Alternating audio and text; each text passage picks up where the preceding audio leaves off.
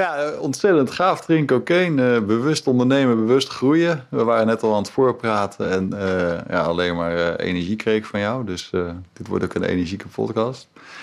Ja, Drink Cocaine. dit is ook de eerste topsporter in mijn, mijn podcastserie. En, en, en, die principes, nou, wat dat met jou deed, maar ook voor je hele loopbaan of je, je huidige ondernemerschap, daar gaan we het over hebben. Nou, Welkom. Leuk. Ja, dank je. Ja. Leuk om er te zijn.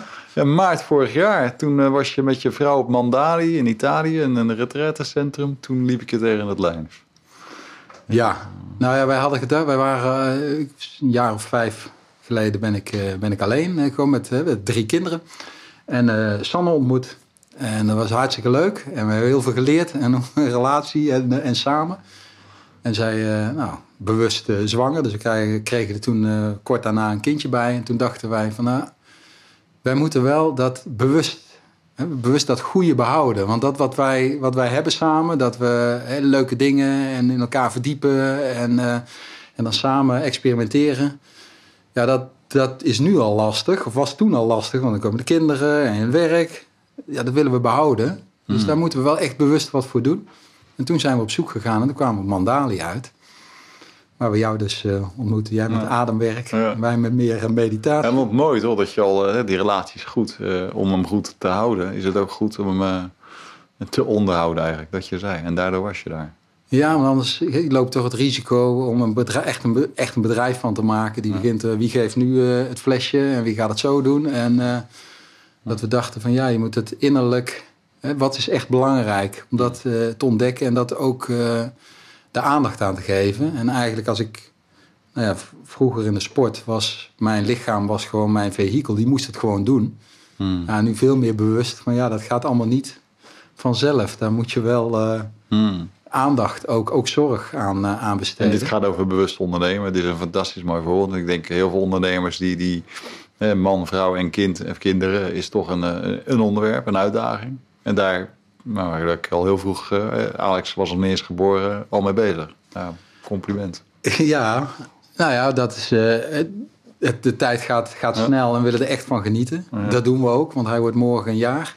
Hmm. Dus uh, ja. En vandaag is het 6 juni, dus 7 juni? 7 juni. Ja. Dus er was toen nou, een maand of zeven was echt toen al ver... Uh... Dit wordt waarschijnlijk pas in september uitgezonden, maar dan uh, is die weer een kwartaal uh, ouder. Maar wel goed om even te benoemen. Ja, precies. Maar, de tijd gaat vooruit, en dat zijn we niet aan het doen. Maar even, ik wil even toch de, de, de tijd terugnemen naar toen jij zeven was. Het verhaal van de bloedneus en, en, en je zus en je vader. Dat is toch het startpunt van Ja, iets. nou ja, ik denk hetzelfde. Ik kijk nu ook van, hè, waarom ben je nu hier? Waarom doe ik wat ik nu doe? Ik ben erin gerold. En zo was dat vroeger ook.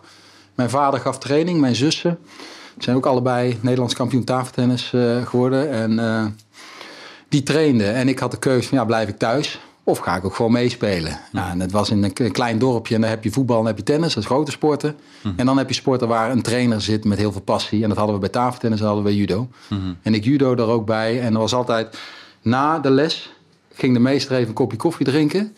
En dan kwam de oudere groep al. En die vonden het heel leuk om met ons te stoeien. Mhm.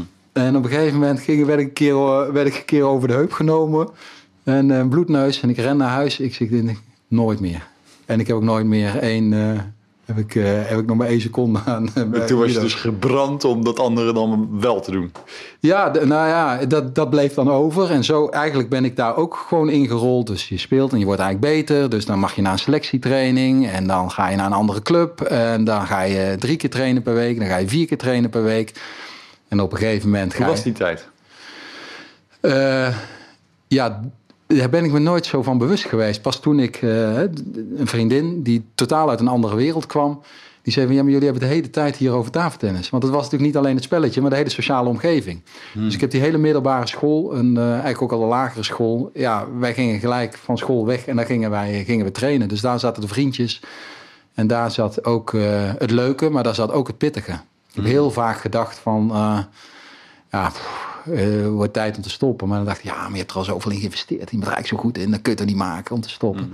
Dus zo ben ik daar eigenlijk door die puberteit heen gerold. Wat eigenlijk een hele moeilijke tijd is, denk ik, voor topsport. Mm -hmm. Wel doorheen gerold om toch dat harde, ja, één keer per dag en soms twee keer per dag toen ook al te trainen. Mm. Om daar uh, toch steeds die strijd weer met jezelf aan te, aan te gaan. Ja. En, en, het is wel gelukt, hè? Want je bent uiteindelijk Hoe vaak ben je Nederlands kampioen geworden? Ja, uh, is nu zeven keer. Ik heb het gehoord, want er is nog eentje bijgekomen. Nog een, uh, je had na twintig jaar je het, had je het pas geleden weer gefixt, ja, hè? Ja, dacht ik, we gaan het nog een keer proberen. Dus dat, dat was hartstikke leuk. Maar ik heb er nooit zo naar gekeken bij sport. Want je bent nu 51? 51. Dus je, toen je, dit jaar was dat dan dat je... Ja, 51, begin in oktober. Is dat weer dan de oudste nationaal kampioen in de, sport in Nederland? was nog eentje, die was nog ouder. Maar het was wel degene die het meeste aandacht. Omdat in één keer, hey, een bekende naam uit de sport. Dus dat heeft enorm veel Hmm. publiciteit uh, opgeleverd. En wat ik zelf wel heel leuk vond daarvan... Uh, nou ja, ook met ouder worden en toch eruit halen. Ja, leeftijd is voor mij nooit. Vroeger al niet. Toen ik jong was, dacht ik ook dat ik alles kon. Hmm. Nu merk ik dat dat niet meer zo is. Hmm. Maar nog steeds probeer je gewoon met de beperkingen gewoon ja, dan weer het beste van te maken met, met de krachten. Nooit zo gezien. Hè. Pas toen ik daar won, werd mij heel erg bewust. Ik wist dat natuurlijk wel, maar hey, 51, 51 hoorde ik, hoorde ik overal. Ja. Dat was nooit zo mijn, uh, dat ik daar nou mee bezig was op die Ja. manier. Een Nederlands kampioen naar Europese, naar Olympische Ja. Spelen. Maar altijd de blik op wat ik nog niet had gehaald. En uiteindelijk ben ik geen wereldkampioen geworden. Dus ja, succes is ook relatief. Hmm. En uh, had ik dat toen ik speelde nooit zo. Altijd de druk van, ja, als je een toernooi speelt, een knock-out systeem, uiteindelijk verlies je ergens als je het toernooi niet wint. Dus ja, dat is de laatste ervaring die je meeneemt. En dan ga je weer naar de volgende. Dus dit vormt je? Dit vormt, ja, dat is, dat is de manier waarop ik, ik heb uh, leer. En dat is nog steeds zo. Dat is, uh, je gunt iedereen een goede crisis. Uh, als ik terugkijk, zijn dat de bepalende momenten geweest waarop ik echt beter geworden ben. Hmm. Ik heb ook jaren gehad in Duitsland de staaftennis, een hele grote sport. Dat ik uh, veel verdiende. En dan was ik vooral bezig, toch ergens in mijn achterhoofd, om dat te behouden. Hmm. Dus dan ging ik juist minder trainen, want dan zou ik dan wat ontspannender achter die wedstrijd staan. Dat is allemaal korte termijn. En op het moment dat ik dan uiteindelijk dan toch ergens door het ijs zakte, dan wist ik weer van ja, shit. Dit zal herkenbaar zijn voor heel ondernemers. Hè? Je hebt op een gegeven moment een bepaald niveau. Het wordt wat makkelijker. Je, je zakt er weer meer wat meer in. In de ontspanning, dat mag ook. Uh, maar uiteindelijk verkwijnt dat. Hè? Het is net zoals in de natuur. Als je het niet onderhoudt, of als je niet af en toe een flinke winter meemaakt, ja, dan, dan doen, die, uh, doen die knoppen het in de, in de lente ook niet. Nou, dan groei je niet. Nee. Want ik denk dat mensen van zichzelf, dat geldt ook voor mij, niet van zichzelf de behoefte hebben om uh, het jezelf moeilijk te maken. Hmm. En op het moment dat je echt op je bek gaat, en in de sport is de feedback is vrij uh, direct. Hè? Je, ik dacht op de, de, de, laatste keer dat ik dat had, maar ook uh, wilde ik, ja, ik hoefde niet zo nodig naar Olympische Spelen. En ik kwam, ik speelde eigenlijk nog best wel goed in dat seizoen. Ik trainde eigenlijk bijna, niet, bijna niks meer. En toen had ik de Olympische kwalificatie en ik verklootte het behoorlijk. En ik reed naar huis en er was gewoon geen ontkomen meer aan. Ik merkte dat ik dit wel heel graag wilde en dat het mij niet was gelukt. Dus al dat verhaal, het verhaaltje wat ik mezelf had verteld, van het is niet zo belangrijk, wat je eigenlijk ook helpt om wat ontspannender achter die tafel te staan, ja, dat was gewoon een farce. Hmm. En toen had ik nog één kans in, uh, in mei, dat was in december toen, uh, 2004, dat is al een hele tijd geleden. Toen had ik nog één kans op de wereldkwalificatie, maar er waren nog maar twee tickets te verdelen. En er waren mensen door blessures of andere oorzaken. Die, dus het was heel sterk bezet.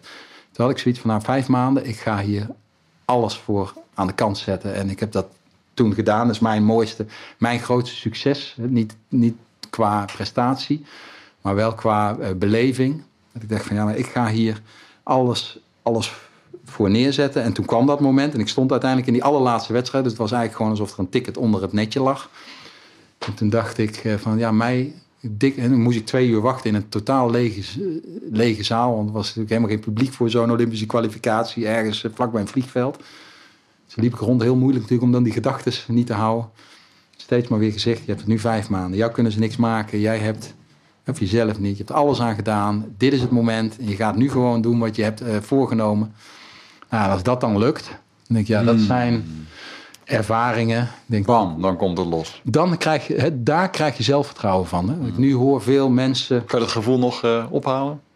Ja, want op een gegeven moment, hè, ik, uh, die wedstrijd, ik speelde tegen iemand waar ik eigenlijk altijd wel van won. Vaak, ook wel van verloor. Uh, maar ik, had wel, ik wist wel dat als ik goed speel, dan heb ik hem. Wat de druk eigenlijk nog verder verhoogt. Want ja, als je het dan niet haalt, zoveel, ja, dan... Uh, dus al dat soort gedachten kwamen er wel doorheen. Hè? Dus eigenlijk die omgeving is natuurlijk totaal niet interessant. Maar ik had daar wel last van. van ja, als, je, als je dit verliest, dan ben je toch zo'n lulletje. Nou, dan moest je dan weer weghalen. Nee, jij wil gewoon naar die Olympische Spelen, punt. En dit, dit is nu de weg. Dit is de enige, de enige weg. En ik verloor de eerste, tweede won ik. Derde verloor ik. En ik had een coach meegenomen die eigenlijk van tafeltennis nul verstand had. Maar was een goede vriend. En ik had van tevoren doorgenomen, dit zijn eigenlijk de sleutelpunten waar je op moet letten. Dus ik zei tegen hem in de derde game, ik zeg, ja, ik heb het hele toernooi niks gevraagd, maar nu moet ik wat horen. En ik zag zijn gezicht zo helemaal rood worden. Het zat er natuurlijk niet, niet in voor hem dan. Maar het hield mij, juist die coach, van ja, je moet je realiseren, je kunt geen hulp halen. Jij moet het zelf doen, je weet het. Hmm. Het gaat nu niet, maar je antwoord zit in jezelf.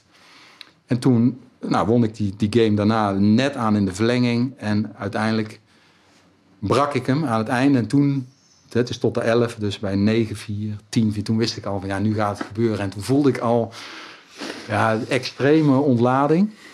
En ik denk dat zijn wel hele bepalende momenten. Als je nu hoort ouders die hun kinderen zelfvertrouwen willen geven door. Of, of ondernemers die hun werknemers van ah, goed, goed, goed.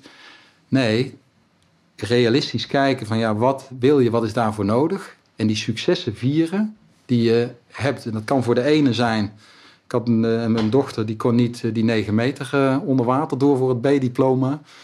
Ja, voor een ander was dat een lachertje, maar voor haar was dat een hmm. groot succes toen ze daar hmm. op het examen wel doorheen ging. Dus iedereen heeft zijn eigen, ja, ja, heel duidelijk. Zijn, eigen, uh, ja. zijn eigen strijd. En als je die overwint, ik denk dat dat het zelfvertrouwen geeft.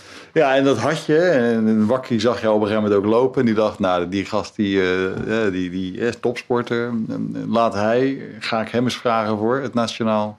Ik was in Jeugdsportfonds. Ja. Er waren toen uh, drie. was de oprichter, Harry Posma. Een hele mooie. Vier en een half jaar gedaan, hè? Dus is vier, echt wel. Vier jaar, ja. ja. zeker. Vier, vier en een half. Ja. ja en dat is een eigenlijk... topsport en met deze mentaliteit wordt in een, in bestuurlijke ja. organisatie ja, gezet. en dan was... nog bij, misschien dan nog een klein detail bij, nog nooit leiding gegeven, behalve aan zichzelf. En, daar kan en naast dit mee. gaan we dat, hè, deze topsport, stoppen we daarna, stoppen zichzelf daarna in een bedrijf. Komen we zo meteen op, maar gaan we ja. verder. Ja, dus uh, lastig, want ik was altijd ook nog een individuele sport, dus alleen maar met jezelf bezig. En nu had je in één keer werknemers en die, ja, die willen wat, die, die hebben hun eigen balans. En daar is werk is toch vooral, uh, ja, moet niet te gek zijn, hè, allemaal. Of juist een oprichter met een hele grote passie. Uh, die ook weer, uh, dus ook ego's allemaal daarbij. Zo klinkt het wat negatiever, maar ik denk iedereen neemt zo zijn eigen ego mee. Daar had ik totaal geen oog voor. Dus dan zei ik wat en dan ging het wat ik ergens van vond. En dan ging het niet zozeer over dat, de inhoud, maar ging het over de manier waarop ik het zei. Dus ik kwam op een gegeven moment in de positie waarin het steeds meer van, nou weet je, als jij het weet, doe jij het maar. En uh, ja, dat was een pittige tijd, ook wel een hele mooie tijd. Dus als ik kijk van, nou toen we begonnen waren met z'n drieën, toen, we weggingen, toen ik wegging met acht, 8000 kinderen, 25.000 kinderen, structurele subsidie. Van 8 naar 25.000 kinderen? Kinderen die konden die... helpen. Ah. Ik denk dat er nu zijn het er ondertussen nog een stuk meer. Die zeg maar, heel dankbaar. Die, dat was wel heel mooi. Ja. Om voor het, Want wat deed het jeugd, jeugdsportfonds? Die, die betaalde, de, uh, de hele mooie was, in Nederland is het, sporten is nog best goedkoop in een vereniging. Ik, mm -hmm. 250 euro, dat was toen. Ik weet niet hoe nu het uh, bedrag is. Daar kon je een aanvraag doen, maar dat konden alleen intermediairs doen. Dus mm. niet de kinderen zelf. Mm. En dan betaalden wij de, de vereniging. Hmm. En eventueel voor kleding. Dus ik ging geen geld naar die familie, maar er ging wel, je faciliteerde eigenlijk dat ze bij een vereniging gewoon mee konden doen. Dat is een heel mooi concept, hmm. die ook heel goed past bij de verenigingscultuur uh, in, uh, die, die we hier hebben. Dus het was wel heel dankbaar uh, werk. Dus heel mooi. Vooral ook omdat ik zelf ook bij een vereniging groot geworden ben en zie wat een vereniging betekent voor mensen. Niet Hmm. alleen voor kinderen, maar in ieder geval ook voor kinderen. Dat je zo'n warm, dat er altijd waren de trainers, altijd waren de begeleiders. Die, uh, Als je erover nadenkt, hè, dat hoeveel er dan, hoeveel mensen daar met het hart erin gaan en, en om dat kind te helpen. Ja, dat is fantastisch. Ja, ja dus dat was wel heel dus je mooi. zag jezelf weer als jongetje en uh, in, vanuit die functie gingen nog veel meer mensen helpen. Ja. Nou ja, ik kwam in ieder geval, wat waren de grootste dingen? Dus hè, je hebt wel ingeleid, wat, wat kwam je nou tegen? Hè? Jij, jij, welke mentaliteit botste nou met welke uh, Heel prestatiegericht. Dat was jij? Dat, He, dus dat jij? de communicatie, dat je eerst die verbinding moet maken hmm. met mensen, hè, voordat je met elkaar iets kunt bereiken. Dus dat echt dat met elkaar. Hè. Ik had zoiets, dit is het doel. Ja, daar moeten we naartoe. En, uh, maar niet zo, wij gaan samen hmm. dat doel. Als ik dat nu vergelijk, hoe ik dat nu uh, eh, doe in mijn bedrijf veel meer kijk naar de kwaliteiten van mensen waar zij goed in zijn. En ik zie mijzelf veel meer om dat te faciliteren. Mm. Maar toen was het gewoon doel, mensen gaan. Ja, dus ik zei ook aan het einde toen eh, van, goh, ja, we hebben dit en dit. Ja, en toen zei hij van, ja, maar het was niet leuk. Toen dacht ik, leuk. Hebben wij in de, in de sport dat en dat en dat bereikt. En de Dat mensen zeiden... Dus het, het gaan voor dat, voor dat doel, Ja. Dat is leuk. Hè? Ook, ik heb ook training gegeven. En zei, zeg je dan, ja, sportmentaliteit, het gemiddelde bedrijf zit niet echt die sportsmentaliteit dan? Dat vind ik wel veel gezegd. Want ik denk, wat ik ook altijd meegekregen heb, is er- de reflectie begint wel bij jezelf. Dus het is mij te makkelijk om te zeggen, het lag aan de omgeving en het lag niet aan mij. Ik heb daarbij, ik denk dat je alleen maar dingen leert als je kijkt van wat was mijn rol in Mm. dat geheel. Dus ik kan nu moeilijk terughalen van hoe was het geweest als ik het anders had aangepakt. Mm. Maar de dynamiek was in ieder geval niet dat we de energie en het maximale uit, uit elkaar haalden. Mm. Dus dat was daarna, ja. En jij ontnam jezelf vrij veel energie, omdat je veel verantwoordelijkheid nam. En ik deed dus ook meer. Ja. Want op een gegeven moment dachten ze van, weet je wat, doe jij het maar. Ja. En ik dacht, ja, dat moet gebeuren. Hmm. Dus dat, dat was, eh, dat, daar kwam een scheve balans in. Waar ik ook nog best wel last van heb gehad later. In welke klant, nou ja, als dan een mailtje kwam, dan dacht ik, oeh, wat komt er nou weer binnen? Ja, dus kritisch. Dus als je eenmaal, ja, dan wordt het, tegenwoordig noemen ze dat onveilig. Dat Hmm. klinkt voor mij een beetje soft. Mhm. Maar wel, van ja, als je op een gegeven moment niet meer als een team doet, Hmm. je staat niet meer echt eh, samen daarin, ja, dan wordt het pittig. Mooie ervaring dus. Om, om- Een hele mooi wil ik het niet noemen, maar als ik wel, wel heel waardevol daarin ook weer. Want ja, toen was het in één keer na vier jaar van wat ga je dan doen? Daarin. Hoe oud was je toen inmiddels? Eh, ik denk eh 40, Hmm. 36. Ik ben heel laat. Ik was, eh, ik denk, eh, ja, begin 40. Maar dat waren wel mijn eerste jaren buiten de sport zelf eh, werkzaam. Ja. Ik zie ook sport wel echt als een beroep. Maar het is wel echt anders in een organisatie. En er natuurlijk ook weer heel veel vormen, of in een hele grote of een kleine of wat dan ook. Maar in een organisatie is gewoon anders dan een individuele sport. Waar ik als ondernemer, ik ben de baas. Hmm. En als ik denk dat het morgen naar links moet en overmorgen denk ik naar rechts, dan ga ik naar rechts. Hmm. En, want het is, ik heb maar heel korte tijd als topsporter. En ik moet het nu doen. Ja. En dus, ja, dat is echt, eh, denk ik, eh, wel... En, en, toen, en, en, ja, en, en toen opeens eh, ja, had je iets ingeschreven bij de Kamer van Koophandel. Natuurlijk niet zomaar opeens en niets, maar je ontdekte wel een stuk wat je interessant vond. eh, En dan ben je gaan uitnutten tot een bedrijf. Nou, wat ik bij het Jeugd Sportfonds, hè, dat was ik vooral voor fondsenwerving, het netwerk gehaald. Maar wat ik, wat ik eigenlijk veel gedaan heb, is het systeem optimaliseren. Want ik zag van, hé, hey, dat was, eh, we zagen allemaal kikkers sprongen alle kanten op. En toen heb ik software eigenlijk gebruikt om het ook te professionaliseren. Toen dacht ik van, hé, hey, die softe kant van mensen en die harde kant van de techniek, samen kun je een verandering teweeg, hè, teweeg brengen. Doe je alleen de mensen, dan zegt iedereen, ja, goed verhaal. En we draaien ons om en we doen alles weer zoals we deden. Doe je alleen de techniek, dan gaat iedereen schelden op de techniek. En dan ben je nog verder van huis en dan gebeurt er niks. Maar als je dat hand in hand kunt doen, dan kun je echt een verandering, denk ik, eh, teweeg brengen. Dat is een accelerator eh, daarin. En ik zag ook dat bedrijven dat eigenlijk heel laag in een organisatie beleggen. Dat is iets praktisch, software. Ik denk, ja, dat is het al lang niet meer. Dus dat dacht ik van, hé, hey, dat ga ik doen. Maar ja, ik ging solliciteren op een functioneel beheerderplek bij een ziekenhuis, was Ja? in de buurt. En ik werd niet eens uitgenodigd op gesprek. Dus dat was mijn eerste feedback. Van ja, ik had mijn studie niet afgemaakt. eh, dus ja, ik had wel HAO en ik kon wel goed pingpongen. eh, maar kan hij dan ook, ja, dat is nog geen garantie. Dat, sterker nog, dan heeft hij zijn tijd dus niet in functioneel beheer gestoken. dus die nodigen we niet uit. Dus ik ben toen via AFAS, eh, we hebben nog steeds heel veel eh, mee, eigenlijk alles mee, mee, mee doen, toen bij een bedrijf gekomen. En dan ben ik echt van onderaf begonnen. Dus eigenlijk een luxe, zie ik dat nu. Hè, veel topsporters en zeker hoe hoger ze komen met Olympische, hè, zo Olympische medailles. En die vertellen het verhaal over de Olympische eh, eh, winst. Dat het heel moeilijk is van ja, dat kun je het verhaal vertellen daar vandaan. Maar kun je het verhaal ook vertellen van wat heb je zelf gedaan. Nou ja, en ik kwam in de positie dat ik gewoon onderaan begon. Hmm. En eh, ja, toen ben ik wel dus bij, bij een organisatie gekomen die ook AFAS, want dat had ik ook bij het Jeugd Sportfonds gedaan, ging implementeren. En zo kwam ik ook in de vennootschap terecht.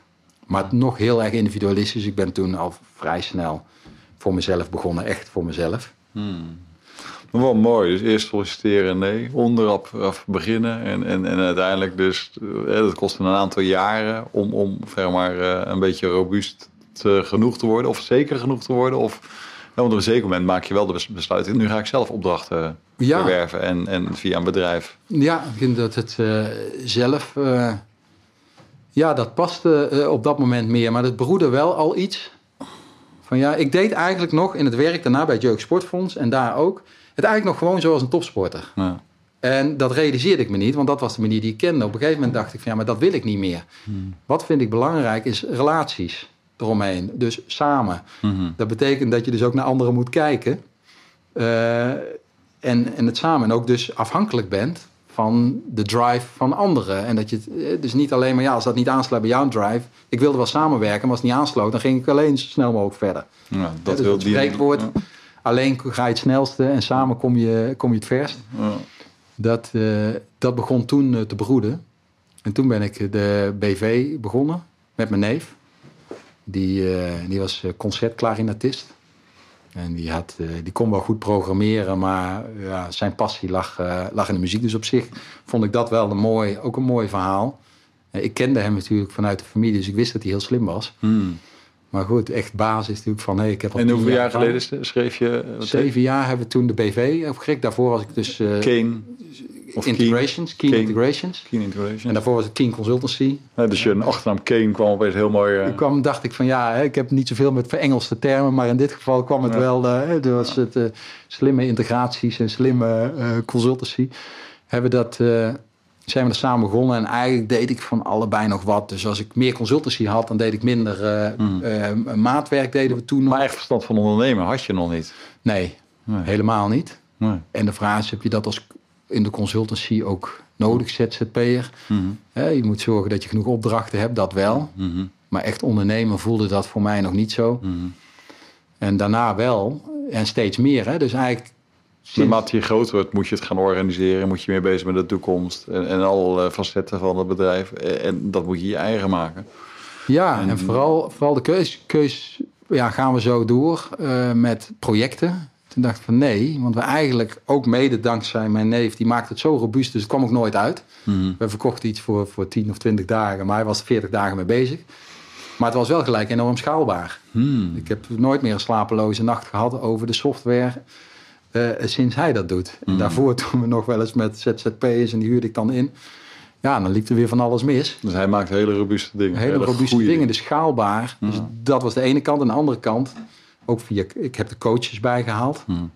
Eh, van ja, eh, licenties of meer eh, continuïteit. En ja, waarom als je het één keer maakt en er is één organisatie heel blij maar mee, dan zijn er toch vast ook nog heel veel andere organisaties met vergelijkbare uitdagingen. Ja, dan moet je het wel, hè, moet je heel veel investeren. Dat is een heel andere manier van werken. Je moet heel veel energie steken zonder dat je er iets voor terugkrijgt. Hè. Bij consultancy wordt direct ieder uurtje betaald. Maar wel voor de lange termijn om iets op te bouwen waarvan je het geloof hebt dat het later. eh, Ja, en, en, ik zit te luisteren naar jouw verhaal. Hè? Topsport, eh, Nationaal Jeugdfonds, eh, Sportfonds, dit. Kijk, dan, dan, eh, je, je hebt twinkeling in de ogen, je hebt, je hebt energie. Voor mij heb je altijd wel enthousiasme, eh ausdauer, hè? je gaat wel door. Dus je brengt best wel wat mee in het mandje. Maar tegen welke dingen liep je toch wel tegen jezelf aan de laatste x jaar? Eh, Want nu lijkt het... het, het- nee, ja, zeker. kind Nou, wat- de- wat- het, het, echt het strategische. Ja. Dus ik denk dat het strategische er wel. eh, hè, die, die- en ook hoe je je voelde. Hè? Of ben je altijd gewoon altijd plooibaar en het gaat altijd wel goed met jou? Eh, nee, er zit ook wel een soort existentiële onzekerheid in die me voordrijft. Van eh, ja, ik moet het nog maar zien over een eh, jaar. Dus de, de drive, je kunt niet nu even. Hè, als ZZP kun je ook zeggen: van, Nou, weet je, het is mooi weer, ik ga vandaag eens even niks doen. Nee, dat, dat zat er niet in bij mij. Ja. Hè, Dus dat ook leren om, om afstand te nemen. En eigenlijk te zeggen: van hé, hey, die boodschap die je als topsporter. Daar moet je ook investeren. Moet je ook je techniek aanpassen, waardoor je slechter gaat spelen omdat je gelooft dat het op de lange termijn beter gaat. Waarom doe ik dat met mijn bedrijf niet? Hmm. Waarom ga ik dan toch ook kijken wat er nu voor mij ligt en pak ik die kansen aan, terwijl ik denk van hé, het moet een andere richting op. Hmm. En ik denk dat dat met name de worsteling eh, Dus toe uitzoomen, dat strategische Ja. stuk, dat, dat en is doen ding. daarna. Dus dat strategische, dat gaat allemaal nog prima. Ja. Maar vervolgens ook handelen daarnaar. Hmm. En dus ook zeggen, bepaalde dingen die gewoon geld opleveren, Hmm. nu, om te zeggen nee, dat doe ik niet. Hmm. Ja, En, en eh, het gaat ook, eh, als je hebt over be- bewust ondernemen, zorgt het dan ook voor eh, in bewustzijn dat je die onzekerheid zelf zag.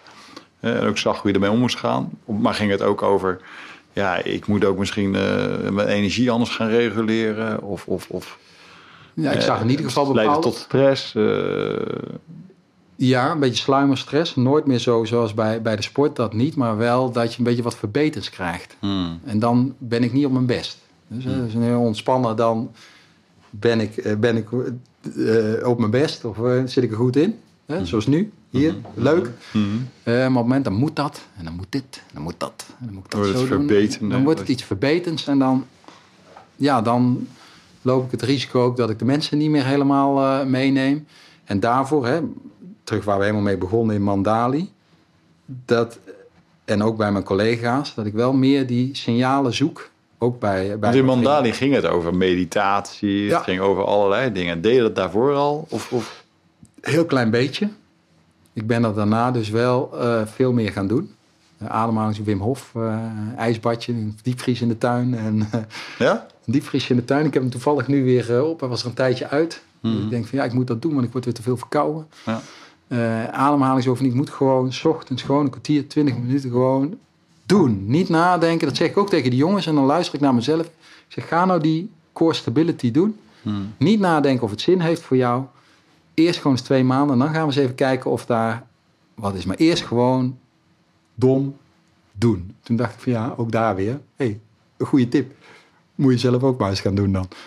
Dus die eh, probeer ik wel veel bewuster. Want het risico zit er altijd in dat ik ben daarvoor gegaan. En dus moet het een succes worden. En dan heb ik 24 uur per dag de tijd. Dus als ik het niet in drie uur, niet in vier uur, dan ga ik vijf uur. Dan denk ik als tafeltennis ook, gooi ik alles eruit. Ja, dat was toen eigenlijk al niet wenselijk. Maar het is nu gewoon natuurlijk niet mogelijk. Ik kan niet zeggen tegen de kinderen en tegen mijn vriendin... We, eh, nu even niet, maar dat is wel een neiging Hmm. die er steeds is. En met samen toch zeggen, zondagavond is voor ons. Dan gaan we gewoon ergens eten. Dan gaan we dat doen. En eh, heb je nog weer gemediteerd? Heb je nog je dingen gedaan om elkaar daar toch scherp Oh, in te houden? challenge elkaar ook. Fantastisch. Ja, want we hebben allebei wel een, eh, onze uitdaging dat het, als het te druk wordt, dat we niet meer op ons best zijn. En we vinden elkaar toch het leukst als we op ons best zijn. Heb je nog meer habits die, die gezond zijn, naast de, de twee, drie die je net beschrijft? Eh, meditatie, koud nou, wat ik niet doe. Roken, drinken, Hmm, ja, dat is ook belangrijk. koffie. eh, dat soort dingen heb ik gelukkig niet. Hmm. Ja, en helemaal gezond eten, dat vind ik ook wel een uitdaging om dat helemaal Hmm. te doen. Op tijd naar bed gaan. Maar dat, dat zijn dus dingen van, ja, die wel dan Hmm. probeert. Hè. Dus de, de link leggen van ja, weten wat goed voor je is en dan ook eh, doen. Hmm. Echt een stuk lastiger nu dan dat ik het vind als topsporter. Toen was ik gewoon van ja, eh, dat moet gewoon. Jij hebt hier toch voor gekozen. Dus dat was vrij rigide. En nu merk ik dat dat mammoetankertje, dat heeft echt wel tijd nodig voordat ik... Hè, met de sportschool doen we ook samen. Gaan we naartoe, doen we onze, onze trainingen. Ja, daar heb ik wel heel veel aan, eh aan Sanne, mijn vriendin. Die is daar heel gedisciplineerd in. Hmm. En dan trek ik me aan haar, eh, aan haar op. Zoals zij dat weer op andere punten bij mij doet. En nu, eh, prachtig dat je dat ook deelt. Maar dan wat natuurlijk fascinerend is, hè, je bent in de opbouw van je bedrijf. Hè, van, van, van, van 0 euro tot, tot eh, wat meer euro's. Nou, je hoeft de bedragen niet te noemen. Het, het wordt best wel eh, echt een, een schaal bereikt. Hè? Ja. Maar bots je nu tegenaan, zeg maar, dat strategische stuk zei je al, maar ja, waar, waar bots je nu een beetje tegenaan eh, in jezelf als topsporter in het bedrijf? Eh, eh, tegen het principe geen excuses. Dus ja, dingen die ik niet kan, ja, waarom niet? Waar, hè, dus zo heb ik als topsport denk ik veel geleerd. En ook als ondernemer kijk ik naar anderen die dingen doen die ik nog niet zo goed kan. En dan probeer ik te ontdekken, maar wat doen zij dan? Dus Niet om daarop af te geven, maar wat doen zij dan? Waardoor zij het wel kunnen en ik niet. En dan ergens nog het gevoel van, ja, maar ik moet dat ook kunnen. Dus aan de bak. En weer, eh, ja, en of dat dan mij energie geeft. Hmm. Ik hoorde ja, dat je in een andere podcast zei, je moet eigenlijk altijd 80% moet je de leuke dingen doen en 20% de- moeilijke. Ja, op die verhouding ligt bij mij iets anders. Ja. Dus dat daar weer naartoe, En dat 80% van... daar moet het wel eh, naartoe, want dan ben ik wel op mijn best. 80% van je en, en het kwaliteit, bedrijf eh, ook. ja. En mijn klant uiteindelijk natuurlijk ook. Ja, dus, dus nu vooral eh, niet volledig nog je kwaliteit en, eh, gebruiken. En, en, al- en, en voor 80% de dingen die je leuk vindt. Dat Ja. zeg ik in deze Ja, fase. nou ja, daar zijn we wel naar aan het, aan het zoeken. Van wat is dan de volgende uitbreiding? Hè, willen de mensen voor sales Eh, eh, continu bijhouden. Denk wel van ja, maar ik moet wel zo voorbereiden dat we makkelijk iemand in kunnen Ja. zetten. Maar de, maar de visie is, de blik is nu wel al niet het probleem eh, van ja, de, wat je in het begin hebt, dat je heel veel zelf doet. Mhm. En ook mijn collega's, wij hebben de taken eigenlijk perfect verdeeld. Mhm. Maar er zit niet heel veel dubbelingen in. En uiteindelijk wil je naar dubbele of een driedubbele bezetting op, Ja. eh, op posities eh, gaan. Dus nu ben je allemaal beperkt misbaar, dat zeg je. Ja. Beperkt misbaar. En dat probeer je aan beide kanten. Dus zowel aan de softwarekant. Daar komen nu, eh, komt nu de eerste programmeur. Is er weer, weer, is er weer iemand bijgekomen. Wil ik ook aan de saleskant. En ook aan de implementatiekant. Dus aan die drie kanten. En hoe bevalt deze ondernemer fase in je leven? Je bent heel je leven eigenlijk al aan het, een soort aan het ondernemen. Hè, met, eh met het tafeltennisbedje aan de ene kant. En, en, en daarna het bestuurlijke. En nu deze kant. Het bevalt mij goed. Omdat ik eh, weer... Ik, ik hou van leren. Mhm. En hier kan ik leren en ik kan gelijk het in de praktijk brengen. Ik loop stage ook in mijn eigen bedrijf met, eh, met dingen die nog geleerd moeten worden. Dus ik vind dat wel echt wel een cadeautje dat je dat kunt doen met iets wat ook nog gewoon geld en, en basis en, en continuïteit oplevert. En dat vind ik heel leuk in mijn bedrijf nu ten opzichte van de consultancy. De dingen die ik nu moet doen, ook vervelend, of de klant die ergens tegenaan loopt en dan moet je wat extra doen, dat doe je wel Hmm. voor de waarde van waar je samen aan werkt. Dus het voelt wel echt alsof je een huisje bouwt met elkaar. Eh, En die naam, Trinko Kane of Kane, eh, heeft die impact op, op, op eh, werkt dat mee, zeg maar? Van iedereen wil wel met Kane. Mm, Nee, die zin niet. Wel in bekendheid toch. Hè. Ik heb vaak het oudere publiek mhm. nog, die wat langer. Vooral de mannen. Ik heb werk veel met vrouwen van H, op HR. Dat is toch nog, de verdeling is toch wel veel, dat het dan nog meer vrouwen werken dan mannen. Dat ze op een gegeven moment, als ik al langer. Hé, hey, die naam die viel eh, thuis. En eh, mijn man, eh, jij hebt daar getafeltennis hè, op hoog niveau, hè? Dus het is heel vaak komt het ook niet aan de orde. Maar ik denk wel, een Nederlandse titel vorig jaar heeft best wel publiciteit opgeleverd. En ook bij AFAS een, eh, een paar. hoeveel, hoeveel jaar daarvoor was het de laatste keer dat je dan... Ja, dat was 17. Volgens mij, eh, t- In 2017. nee, 2007 was eh 17 Ook jaar. 17 jaar. Dus ik denk 2005 of 2004. Wat is dat dan? Wat, wat is dat? Dat- werd, eh, was dat een soort eh, weddenschap met jezelf of het werd gevraagd? Nou, ik had het een jaar daarvoor gedaan, dacht ik, leek me leuk, gewoon op mijn 50ste. En, eh, en ook een doel, omdat ik zonder doel sportte, dat vond ik lastig. Ah. En dat mislukte jammerlijk, want dat was zo'n moetje. Moet Weer dat wat nu? je net zei. En ik kan dat eigenlijk wel en dan krijgt het iets verbeterds. Hmm. En het jaar daarna, ik had eigenlijk weinig eh, gedaan. Uh, tafeltennis niet, maar wel gesport. En eigenlijk zat goed in mijn vel. En toen dacht ik na de vakantie zo, nou... En ik ging, ik ging spelen en keer dacht ik van, ja, maar nu zit het goed. Waar ik, Het voelt waarom, het voelt goed. En toen dacht ik van, ja, maar ja, het zo goed voelt, nou, nog eens proberen. En toen eh, ging ik, eh dacht ik toch ingeschreven dan de laatste. Ik had een coach bij, daar voelde ik me lekker bij. Dus we gaan er gewoon gezellig naartoe met z'n tweeën. En eh nou, Sander die vond het hartstikke leuk dat ik dat, dat deed. Dan kreeg ze toch nog iets mee van die oude topsporttijd. Dan een klein beetje. Dus toen zijn wij... en op een gegeven moment de kwartfinale. En toen stond ik weer 2-0, het stond 2-0 achter. Maar ik was niet nerveus, want ik was daar niet... Ik was daar gewoon om te spelen. Niet, want ik moet nu winnen. Ik raakte niet in de stress. En op een gegeven moment kreeg ik hem te pakken. Toen dacht ik van ja, nou heb ik hem. En toen won ik die wedstrijd. Toen kreeg ik wel weer een beetje die spanning daarna. Van ja, maar als jij zo speelt, Hmm. dan ben je natuurlijk wel gelijk favoriet. Ja, en winnen is toch wel heel erg leuk. Dus al die oude... Hmm. Hè, ik vind tafeltennis helemaal niet meer zo belangrijk. Maar dan zie je dat zodra je weer in zo'n zaal komt... En dat je er weer mee gaat doen... dan wordt het weer in één keer extreem belangrijk. Hmm. Alleen... Maar dit is ook het ondernemerschap. Hè? Eh, hè, op flow dingen doen, dat zeg je zo. Hè? Je kan het voelen. Ik denk dat elke ondernemer dat zal herkennen die dit gaat beluisteren. Of iedereen dit gaat beluisteren. Je kan het voelen wanneer je er echt lekker in zit. Wanneer het gebeurt. Ja. En je kan ook voelen wat ermee gebeurt als dat weer in een bepaalde situatie wordt gebracht. Hoe bedoel je dat? Nou, bijvoorbeeld dat je, dat, je voelt hem en dan ga je toch weer even in die sportzaal staan. En dan toch weer die spanning erop. En dan, je kan het ook zomaar weer kwijtraken. Dan kun je het kwijtraken, ja. Nou ja, daar hield ik het vol. En daarna vond ik, hè, want het was nu nog een keer zo'n NK... ja, dan moet ik eigenlijk ook wel weer meedoen. En hierin trainen, maar dan is het niet meer met dezelfde drive. Weer niet. En je- dat blijf ik fascinerend vinden, dat, je dan niet in, dat ik dan niet in staat ben om dat weer terug... Dus dat echte, dat authentieke gevoel van... hé, hey, ik vind het heel leuk, ik heb hier zin in. Kun je niet oproepen als het er, ja, als het er niet is. Ja, en precies, precies dit gevoel, dat zou zo mooi zijn als, je, als jij dat in je bedrijf of iedereen in zijn bedrijf mee kan nemen. En zit je daarin of niet? En dat kan je gewoon voelen. Dat kan je gewoon peilen. En je kan ook eh, nadenken van oké, hoe krijg ik dat weer terug? Ik denk 9 van de 10 ondernemers die ik zie, die hebben dat best wel een beetje verloren. En daardoor uh, wensen ze uh, andere dingen, hebben ze bepaalde verlangen, denken ze nou wat next, willen ze meer aan het bedrijf of aan zichzelf werken, om niet meer daarin te zitten, zoeken ze naar wat vind ik nou leuk. Ja, ik kan me dat best voorstellen natuurlijk, dat gaat groeien, wordt, uh, wordt je onderneming gewoon heel anders. Ja. En daar moet je nog wel in passen. Ja. In, je eigen, in je eigen bedrijf. Ja, van passen ook naar weer de passie. Passie erin. Ja, dat, hoe, hoe behoud je dat? Ja. Ja. hoe behoud jij dat? Nou ja, ik ben nog niet in die situatie dat ik hmm. het gevoel heb van het kabbelt allemaal voort. Hmm. Dus ik. Uh, je zit gewoon in je drive. Ik zit in die drive. Ik denk dat het nodig is hmm. om dat uh, uh, erin te houden in die, ja, in die volgende stap. Daar te kunnen zetten. Ja, en dan. Het gaat, altijd, het gaat altijd op en neer in golven. Dus als het, net als bij de sport, als het minder gaat, dan weet je in één keer weer echt wat belangrijk is. En dan, eh, dat is, dat is ook gek, dan weet je precies wat belangrijk is en dan kun je dus heel goed focussen. En als het dan heel goed gaat, dan komt er van alles, dan komt er ruis omheen en dan moet er van alles wat zogenaamd belangrijk is, wil je dan ook nog uh, al die balletjes in de lucht houden.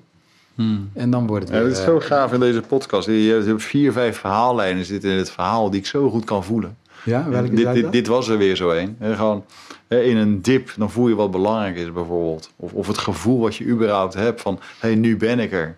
Of het gevoel wat je ook hebt, nu ben ik er niet.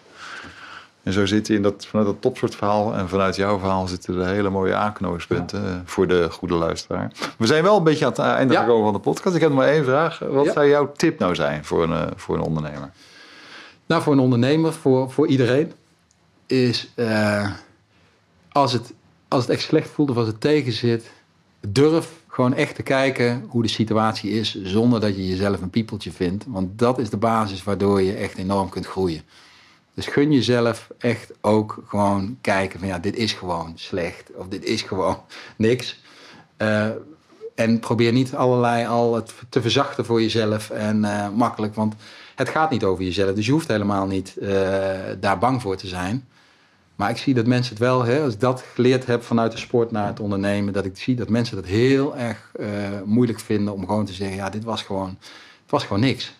En dan analyseren waarom was het niks en vervolgens ja, daarop op leren. Daar, ja, als ik terugkijk in ieder geval zijn dat de dingen geweest waar ik het meeste door gegroeid ben. Hmm, dankjewel. Super bedankt. Jij bedankt. Gaaf, dank je.